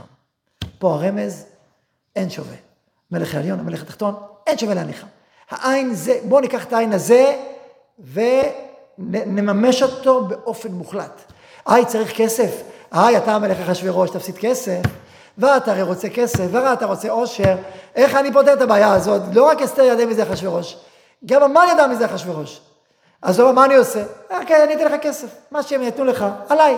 בכל מקרה הם לא עובדים הרבה, אתם מלך אינם עושים, הם לא יצרניים, הם לא שווים הרבה טפילים, עזוב. אבל, בא, יהיה חסר כסף, אני אתן לך. קח עשרת אלפים כסף, כל הנזק עליי. לא פותר את הבעיה. בשביל מה צריך להחזיק אותם בכלל? זה סתם טפילים האביונים האלה, הם סתם עושים עוד ועוד, הם עושים הב הב, תביא תביא. הם לא מרוצים ולא יהיו מרוצים בשום דבר שתביא להם, בסוף באמת. עכשיו זה כבר פה, המן נכנס בדברים עמוקים. הוא אומר, אתם מלך אינם עושים. למה הם לא עושים? כי הם לא מרוצים. הם תמיד רוצים עוד. אביון, אביון, אני, חסר לו, זה לא אומר שהוא רוצה, אבל חסר לו. אביון זה הב, הווה, רוצה עוד, ועוד, ועוד, זה אביון. אז תמיד הם יהיו אביונים בסוף. בסוף הם תמיד ימצצו אותך ויקחו לך כל הכסף שאתה רוצה להרוויח מהם, הם ירוויחו ממך. עזוב, אין שווה להניחה. זה, זה, זה בור ולא נגמר. זה לא נגמר. בוא תעזוב אותם, תשחרר, תשחרר את האנושות מהם לגמרי. מאה אחוז. זה יהיה הכי טוב. היי, תגיד, אבל בכל אופן אני ארוויח משהו מהמס, מה אני אעשה עם זה? קח את הכסף. קח את הכסף. זה המן. המן משתמש בעושר שלו, לא בשביל לתת לישראל בשביל לשעבד אותה, כמו אחשוורוש. משתמש בעושר שלו לעיין את ישראל באופן מוחלט, לעשות פתרון סופי, להשקיע מיליונים ומיליארדים בצבאות שילכו להשמיד. זהו. זה, זה המן. זה העניין שלו. לעשות עץ גבוה, 50 אמה. יביא נגרים, יביא אומנים, יביא זה 50 אמה. זה המן. לא כזה אכפת לו הכסף. הוא לא, לא שהוא מתנגד לבזוז את כל היהודים, הוא יבזוז את כולם, ובזה שירצו לשלוח את ידם, הוא ישתלם לבוז, הוא בעד כסף, לא, שלא יהיה טעויות, אבל זה לא העיקר אצלו. מוכן להפסיד הרבה מאוד כסף. אבל אחרי זה הוא ייקח גם יהודים את כל השלם, כן, הוא לא יצא מופסד. אבל, כמו שעשו הנאצים עכשיו בזכרם, בכל הצדדים שאני אומר עכשיו. אבל העניין שלו זה לא הכסף, העניין שלו זה ההשמדה של העם היהודי, זה לקחת את האין במציאות ולהפוך אותו מוחלט. זו האמירה שלנו. וזה העושר השני. ואז מה קורה? נגזרת גזירה. ברגע שנגזרת הגזירה, אז אה, בעצם אה, בא מרדכי, עכשיו, עכשיו בואו נדבר גם על מרדכי ואסתר. מרדכי ואסתר עצמם, אני, יש ארוחת צהריים? מה צריך להגיד את זה לפני רבע שעה, לא עכשיו. תמיד אני שמח שלא את זה, זה בתענית שיש הזמן. אה, אבל אני אגיד, מי ש... אני אגיד מה שאמרתי מקודם, מי שמרגיש שקשה לו, שהוא עייף, שהוא חלש, שהוא יכול ללכת בנחת, אין שום פדע, שום כלום. אפשר גם לנוח פה, הכל אפשרי. פורים היום, אבל מי שרוצה, אבל קצת אה, משהו מתנות מפורים, כבר עכשיו, אז שיקשיב. איפה היינו? מרדכי ואסתר. אם דיברנו על איך מנצחים את עמלק, איך מנצחים את עמלק, אמרנו שעמלק לוקח את העין, היינו את הגלות, לוקח את האביונות, היינו את הרצון, במילה אביון יש את המילה עין גם כן, כן? לוקח את העין הזה ועושה אותו מוחלט. דרך העושר שלו שהוא נותן בשביל להשמיד, זה מה שעושה המן. אנחנו כבר יודעים מה לעשות שיש עמלק. כשעמלק משקף את העין, יש לנו כבר דרך, הדרך של משה רבנו. עכשיו, אם נדבר על אסתר ומרדכי, אז מרדכי דווקא מבטא את השגחת השם שבתוך היש. אסתר מבטאת את, את העין. מרדכי הוא קודם כל בא מיהודה, לפי המדרשים ודאי, הוא הגיע מיהודה, שם השם נמצא בתוכו, יש לו את האות י' אצלו, הוא נקרא מרדכי היהודי, יש פה י' כו' שם יהודה נמצא איתו, הוא כופר בעבודה זרה, הוא מחובר מלמטה למעלה כל הזמן, לפי המדרשים הוא בעצמו ירד משגולה, שגולה מיכוניה, מלך יהודה, זה הוא בעצמו, קוראים לו מרדכי היהודי, זה מרדכי. הנה, מקום 28, איש יהודי, היה בשושן הבירה, את המילה איש, יש את המילה יש בתוכו גם כן, נדבר קצת על רמזים. בהמשך נגיע לעולם הרמזים. אבל פה כבר הייתי רוצה, הנה פה יש, כבר את המילה יש. איש יהודי היה בשושן הבירה, של מרדכי, בן העיר, איש ימיני, בני מירושלים, עם יוחנן מלך יהודה. זאת אומרת, הוא מבטא את היש. לכל המרחב, השגחת השם שמופיעה בפועל. אבל אסתר היא הצד השני. היא מבטאת את העין. תראו את ההמשך, אסתר. היא אסתר בת דודו, כי אין לה אב ואם. אם כתוב איש יהודי היה בשושן הבירה, אז אסתר אין לה אב ואם. אסתר משקפת, היא מגלה, היא מבטאת את, את עם ישראל ככה שנמצא עם חוויית העין. היא יתומה. מה יתום? זה אדם שאין לו בסיס. חסר לו התשתית של אבא, חסר לו התשתית של אימא. הוא חי חיים חסרי תשתית, חסר לו. אין לה אב ואם. ודאי כשהוא ילד, אחר כך כשהוא מתבגר, הוא מתחזק, אז הוא מתחזק. אבל אסתר ככה גדלה, כמו יתומה. היא ברתה מת אביה. נולדה, מתה אימה. היא יתומה, היא הוויית העין, זאת אסתר. חוויית העין היא נושאת בקרבה. כי אל האב ואם, ודרשנו אב ואם. ובמות אביה ואימה לקחה, מרדכי, לא לבת, מרדכי הוא היש, היחיד שיש בעולמה. האבא שלה, היש עבור אסתר, שכמו אבא ובן, אבא, אימא ואימא בשבילה, זה מרדכי. מרדכי הוא היש שלה. אבל היא, היא האין. היא אסתר. היא הכל נסתר. אין לה את, ה, את, את שם השם. היא מסתתרת, היא יתומה. ומה קורה כתוצאה מהמן שעולה לגדולה? ואחר כך, ותילקח אסתר לבית המלך, פתאום היא מתרחקת אפילו מדודה, מהאבא שלה, מהאימא שלה ביחד, היא כבר היה לה איזה תחליף אב ואם בגלות, תחליף, גם התחליף הזה מתפרק. ואז היא הופכת להיות מענייה לאביונה. לפני כן, היא כאילו, מה, מה, מה יש לה? בתפילה שלה, היא אומרת, תביא את עמדך אל הענייה הזאת, היתומה הזאת, כך היא אומרת, תביא יתומים דן אלמנות. ואז באה הגזרה. אז כאילו, עכשיו, למה אסתר היא צדקת גמורה, ולמה היא מתקנת את חטא עם ישראל? למה היא הראשית של לתקן את עם ישראל? היא מתקנת בגלל מה שכתוב, שאת מאמר מרדכי אסתר עושה, כאשר הייתה באומנה איתו. הרי אסתר, האביונה המסכנה, היתומה, שאין לה כלום, מגיעה פעם ראשונה בחיים אל בית המלך אחשורוש. מה יש שם לאחשורוש? מה שהיהודים היה להם חצי שנה, או 180 יום, יש לה את זה כל יום, כל היום. היא נהיית מלכה אסתר. היא הייתה יכולה להיות בבת אחת מלאה כל טוב. עשירה כקורח. היא, היא כזאת. אבל היא מרגישה ככה? האם מרגישה שבית המלך, האביונה הזאת נהיית מלאה ועשירה והכל טוב? לא. מה הראיה? שכל מחוברת למרדכי. מאמר מרדכי אסתר עושה כאשר הייתה בונה איתו והוא הולך ומלך את הנשים וכל הזמן יש קשר מרדכי לאסתר. מאמר מרדכי אסתר עושה, לא מאמר אחשורוש. אם אסתר הייתה מאושרת בזה שהיא נמצאת בבית אחרי אחשורוש וכל העושר והפינוקים שהוא מביא לה, אז היא לא הייתה עושה מאמר מרדכי, הייתה עושה מאמר אחשורוש. כי הוא פינק אותה, כי הוא אבא החדש שלה. והייתה את, כי יש לה אימא חדשה, שזה האומה הפרסית, כמו שקרה לעם ישראל שנכנסו למשתה. אבל זה שאסתר היא כל הזמן הייתה טובתם של רשעים, רעה היא אצל צדיקים, אומרים חז"ל, אומרים את זה על אסתר ויעל. וגם שיש לה בעל ודוד, גם זה רע בשבילה, וגם זה היא אנוסה.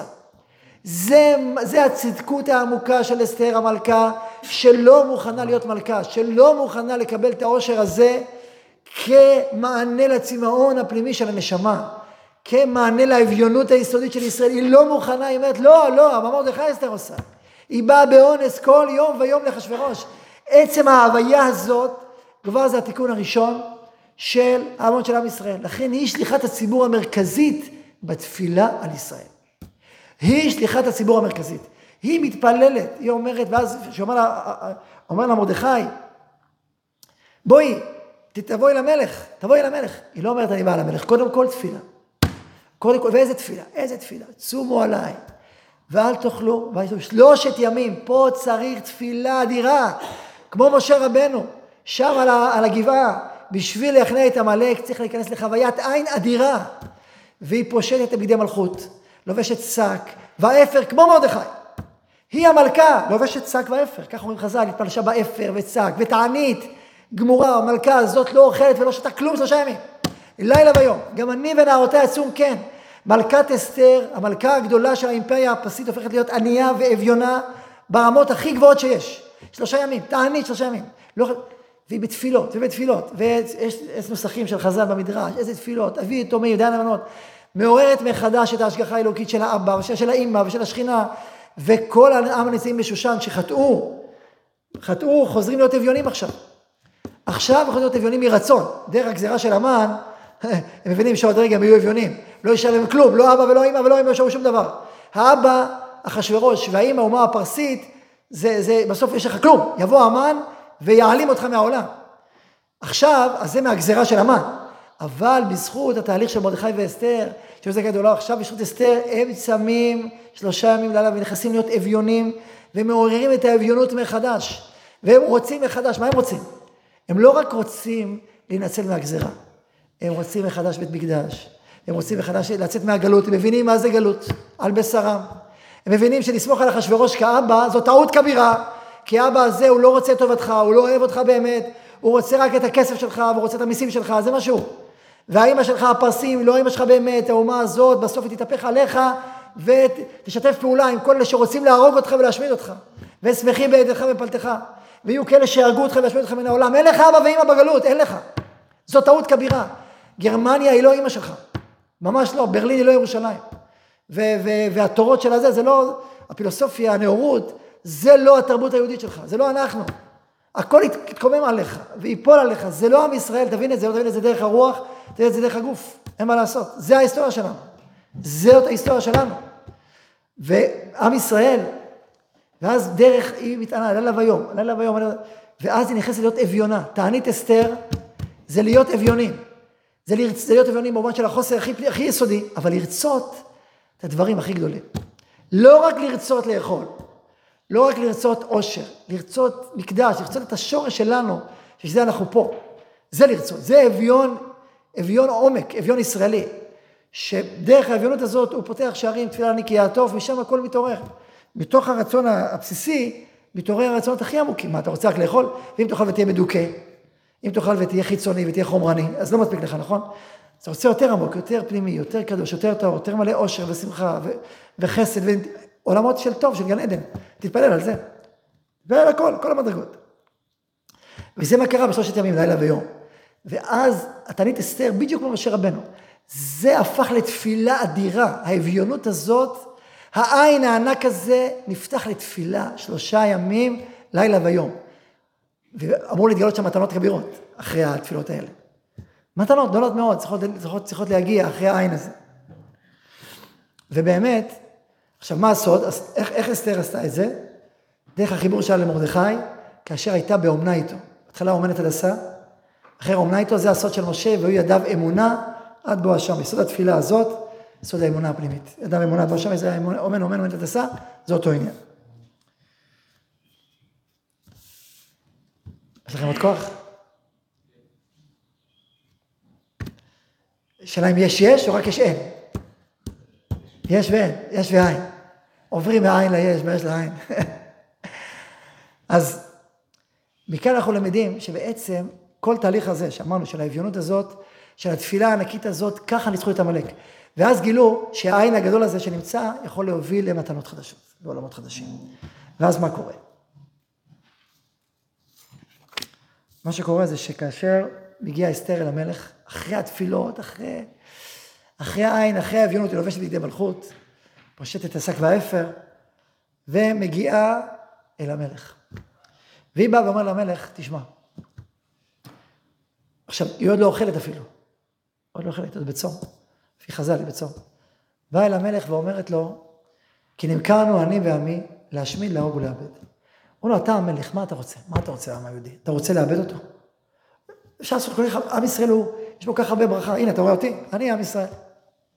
אני עם ישראל. כמה ברכה אפשר להביא לך? כמה ברכה אפשר להביא לך? למה יהודי יכול להביא לעולם? אתה רוצה להשמיד, להרוג ולאבד? אז אני הולכת איתם, אני חלק מהם, זה אני. זה אני. ואז המלך רואה את זה, וכל הרצון שלו להשפיע, בשביל, בעומק זה אינטרסי יותר, אבל הרצון שלו להשפיע על אסתר, מה בקשה לשים מלכות ותיאס, מצא חן בעיניו, מחבר אותו אליה. ואומר לה, אני אומר, הנמוך עכשיו. הוא רוצה אותה. הוא אומר, מי זה, איזה, איזה הוא? אומר לה, המן. כי היא אומרת לו, כי נמכרנו אני ועמי להשמיע לו. אם יש ברוך נמכרתי, החרשתי, אם אתה רוצה טוב לך, אפשר לעשות טוב לך הרבה הרבה הרבה יותר. המן לא מחפש טובתך. המן מחפש את רעתנו. הוא לא מחפש את טובתך. זה סיפור אחר לחלוטין. ואז היא אומר, אומר לו, אמרתי, כי אין עצר שבין איזה כסף. המילה עין פה הופכת להיות מוחלטת, ולכן אתה תצא מופסד, גם תפסיד מלכה, גם תפסיד מלכות, גם תפסיד ברכה, גם תפסיד כל הברכה שהמסר נותן לך, את כל כוח היצירה, תפסיד הכל. ובעומק תפסיד גם את המלכות שלך בסוף. גם את המלכות שלך תפסיד, בעקבות המהלך הזה בסוף. כמו שקרה לנאצים גם כן. אז, אז המלך מתעורר, ומי הוא זה ואיזה הוא, הנה המן הרע, הורגים את המן, ונהפך להם מיגון לשמחה. כתוב, ואז המלך אחשוורוש, מרדכי על בית המן. את כל בית המן נותנים למי? מרדכי ואסתר. את כל העושר האגדי של המן עובר פתאום מתנה, קיבלו מתנה. מי קיבל מתנה? מרדכי ואסתר. קיבלו מתנות, כל העושר של המן. מתנה ענקית, חשוב, הוא היה מיליארדר. הרי הוא המוכן לתת לקופת הממלכה את כל העושר בשביל... אותו עושר של המן, שהיה נועד לעיין את ישראל, לבטל אותו, ונהפוך הוא, מה הופך להיות? מתנות לאביונים. המתנות לאביונים זה העושר של המן, זה המתנות לאביונים של עם ישראל, של מרדכי ואסתר. זה המתנות שהם קיבלו, פתאום בית המן. אבל נהפוך הוא על זה, וואו. חז"ל אומרים שאת העושר הזה חילקו שליש, שליש, שליש. שליש למרדכי ואסתר, שליש תלמידי החכמים, ושליש לבניין בית המקדש. בניין בית המקדש. מה הקשר בית המקדש? אותו אביון, אותה תפילה שיצאת ונהפוך הוא, אותה תפילה שפתחה את האין ליש חדש, היא אותה תפילה שהזמינה את בית המקדש להגיע. זה המתנות לאביונים, עוד יותר גדול. לא רק העושר של המן, לא רק שניצלו, עם ישראל ישב שם, מרדכי משנה למלך, כמו, לא רק זה המתנה.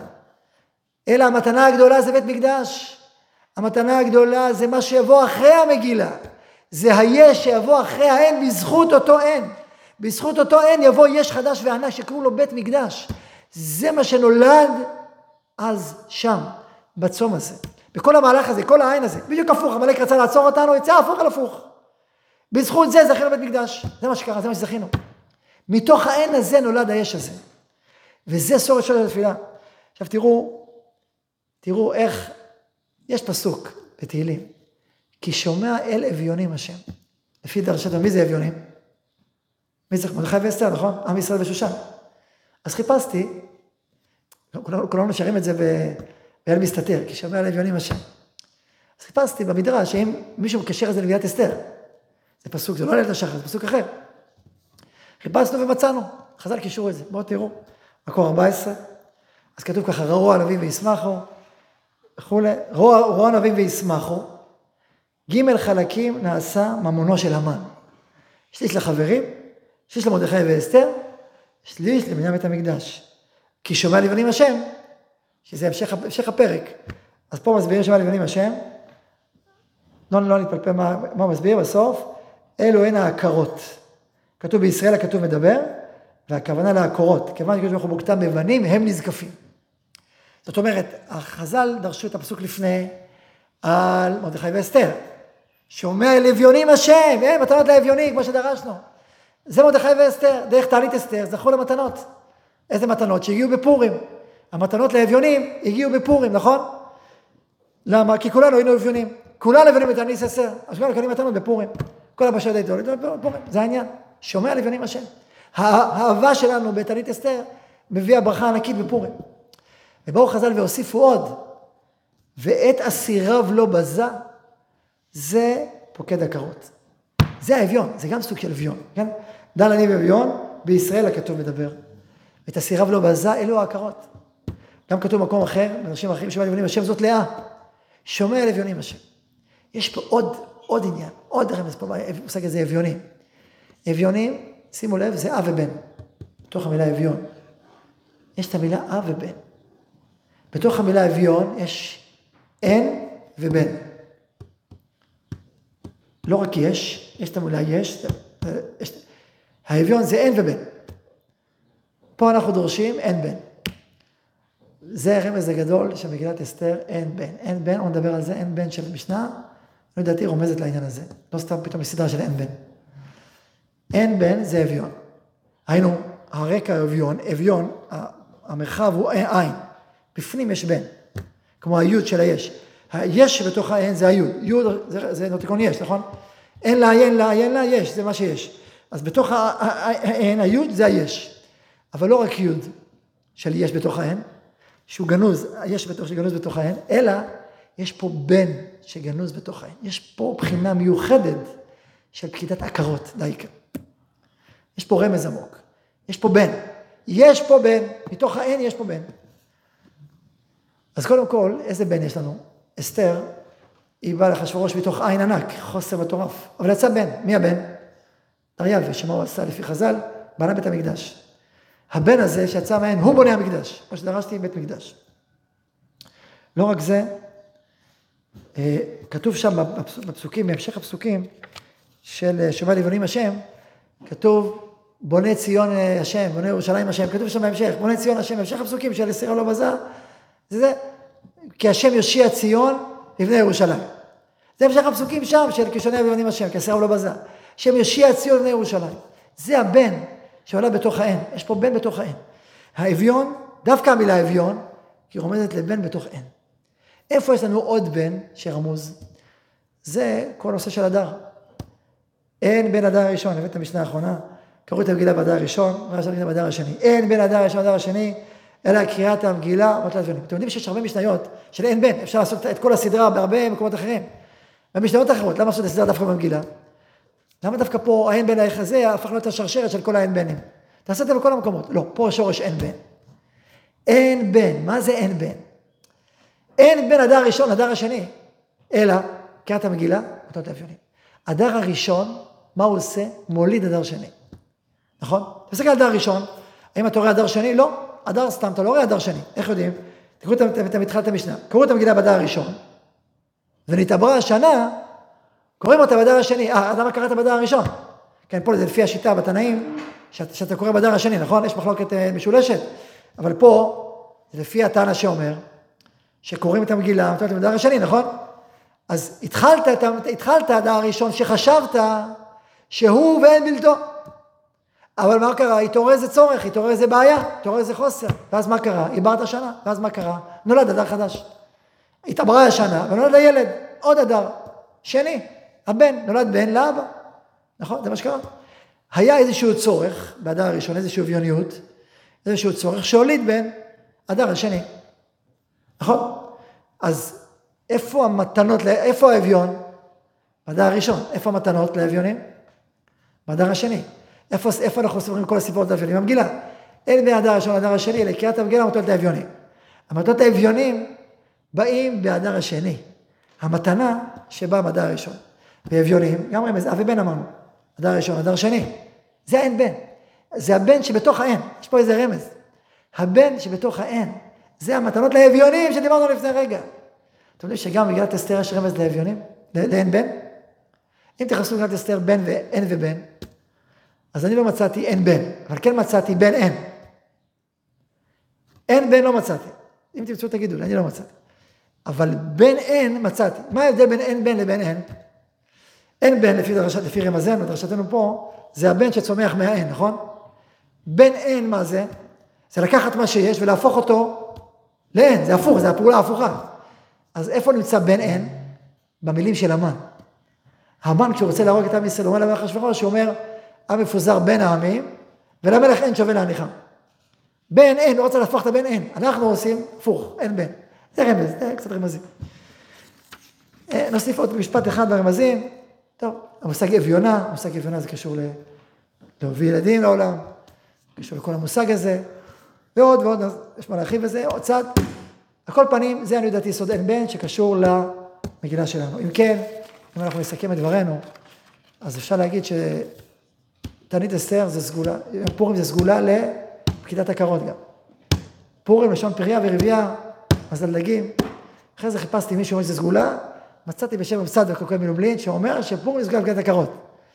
חיפשתי ברב צדוק לא מצאתי, אולי הרב צדוק יגיד לנו, חיפשתי ולא מצאתי, אבל לפי דברינו פה זה ממש ככה, שתענית אסתר זה התפילות ופורים זה הסגולה. מעשה שהיה עם דודי, הרב חיים, שיחל לכם טובים, שפעם אחת היו זוג שלו עם ילדים, באו אליו בפורים, אז הוא אמר, אני מברך אתכם, שיהיה לכם תאומים. אז הם נבהלו, מה תאומים? טוב, טוב, היה שם מישהו אחר, תהיה לך תאומים. אז מה, יהיה לך בן. תפודת השנה, לא תאומים ולא אחד. זה מה שהיה, סגולה עבדה. לא, לא, לא רק סתם סגולה עבדה, הדר הראשון, הדר השני. אז אה, שניים, אה, דומים. אה? נגיד, כן, נגיד פריה ורבייה. אז זה גם הרמז. על כל פנים אנחנו בתענית אסתר. תענית אסתר זה כניסה לכל המרחב של העין, דרך תפילות. עכשיו כמובן מה שקשור לדורות שלנו כבר הבנתם, שהעין של השואה והבן של מדינת ישראל, שיצא מתוך השואה, התפילות בתוך השואה והקושי האדיר שעברנו, היה בן. הבן שנולד מהעין האדיר שחווינו בתוך השואה עם עמלק המטורף הזה, עם העין האדיר הזה, ואף על פי כן היו נשמות שהתפללו, והיו נשמות שהתעלו, והיו נשמות שפעלו, והיו נשמות שלחמו, וזה הוליד בן אדיר שקוראים לו מדינת ישראל. יש מטורף שעמד אחרי העין המטורף הכי גדול בהיסטוריה, עמד יש אדיר שקוראים מדינת ישראל קיבוץ גלויות, שעוד לא הגענו לתכליתו, שבפסגתו, בעזרת השם בית שבן נבואה, עומדת גאולה שלמה, מאחורי העין האדיר שעמד לנו בזמן השואה, עם עמלק כל כך כביר וכל כך קיצוני, שעברנו וחווינו, אז אנחנו עכשיו בתהליך של בן שהולך להיוולד, עוד ועוד, בן יותן לנו.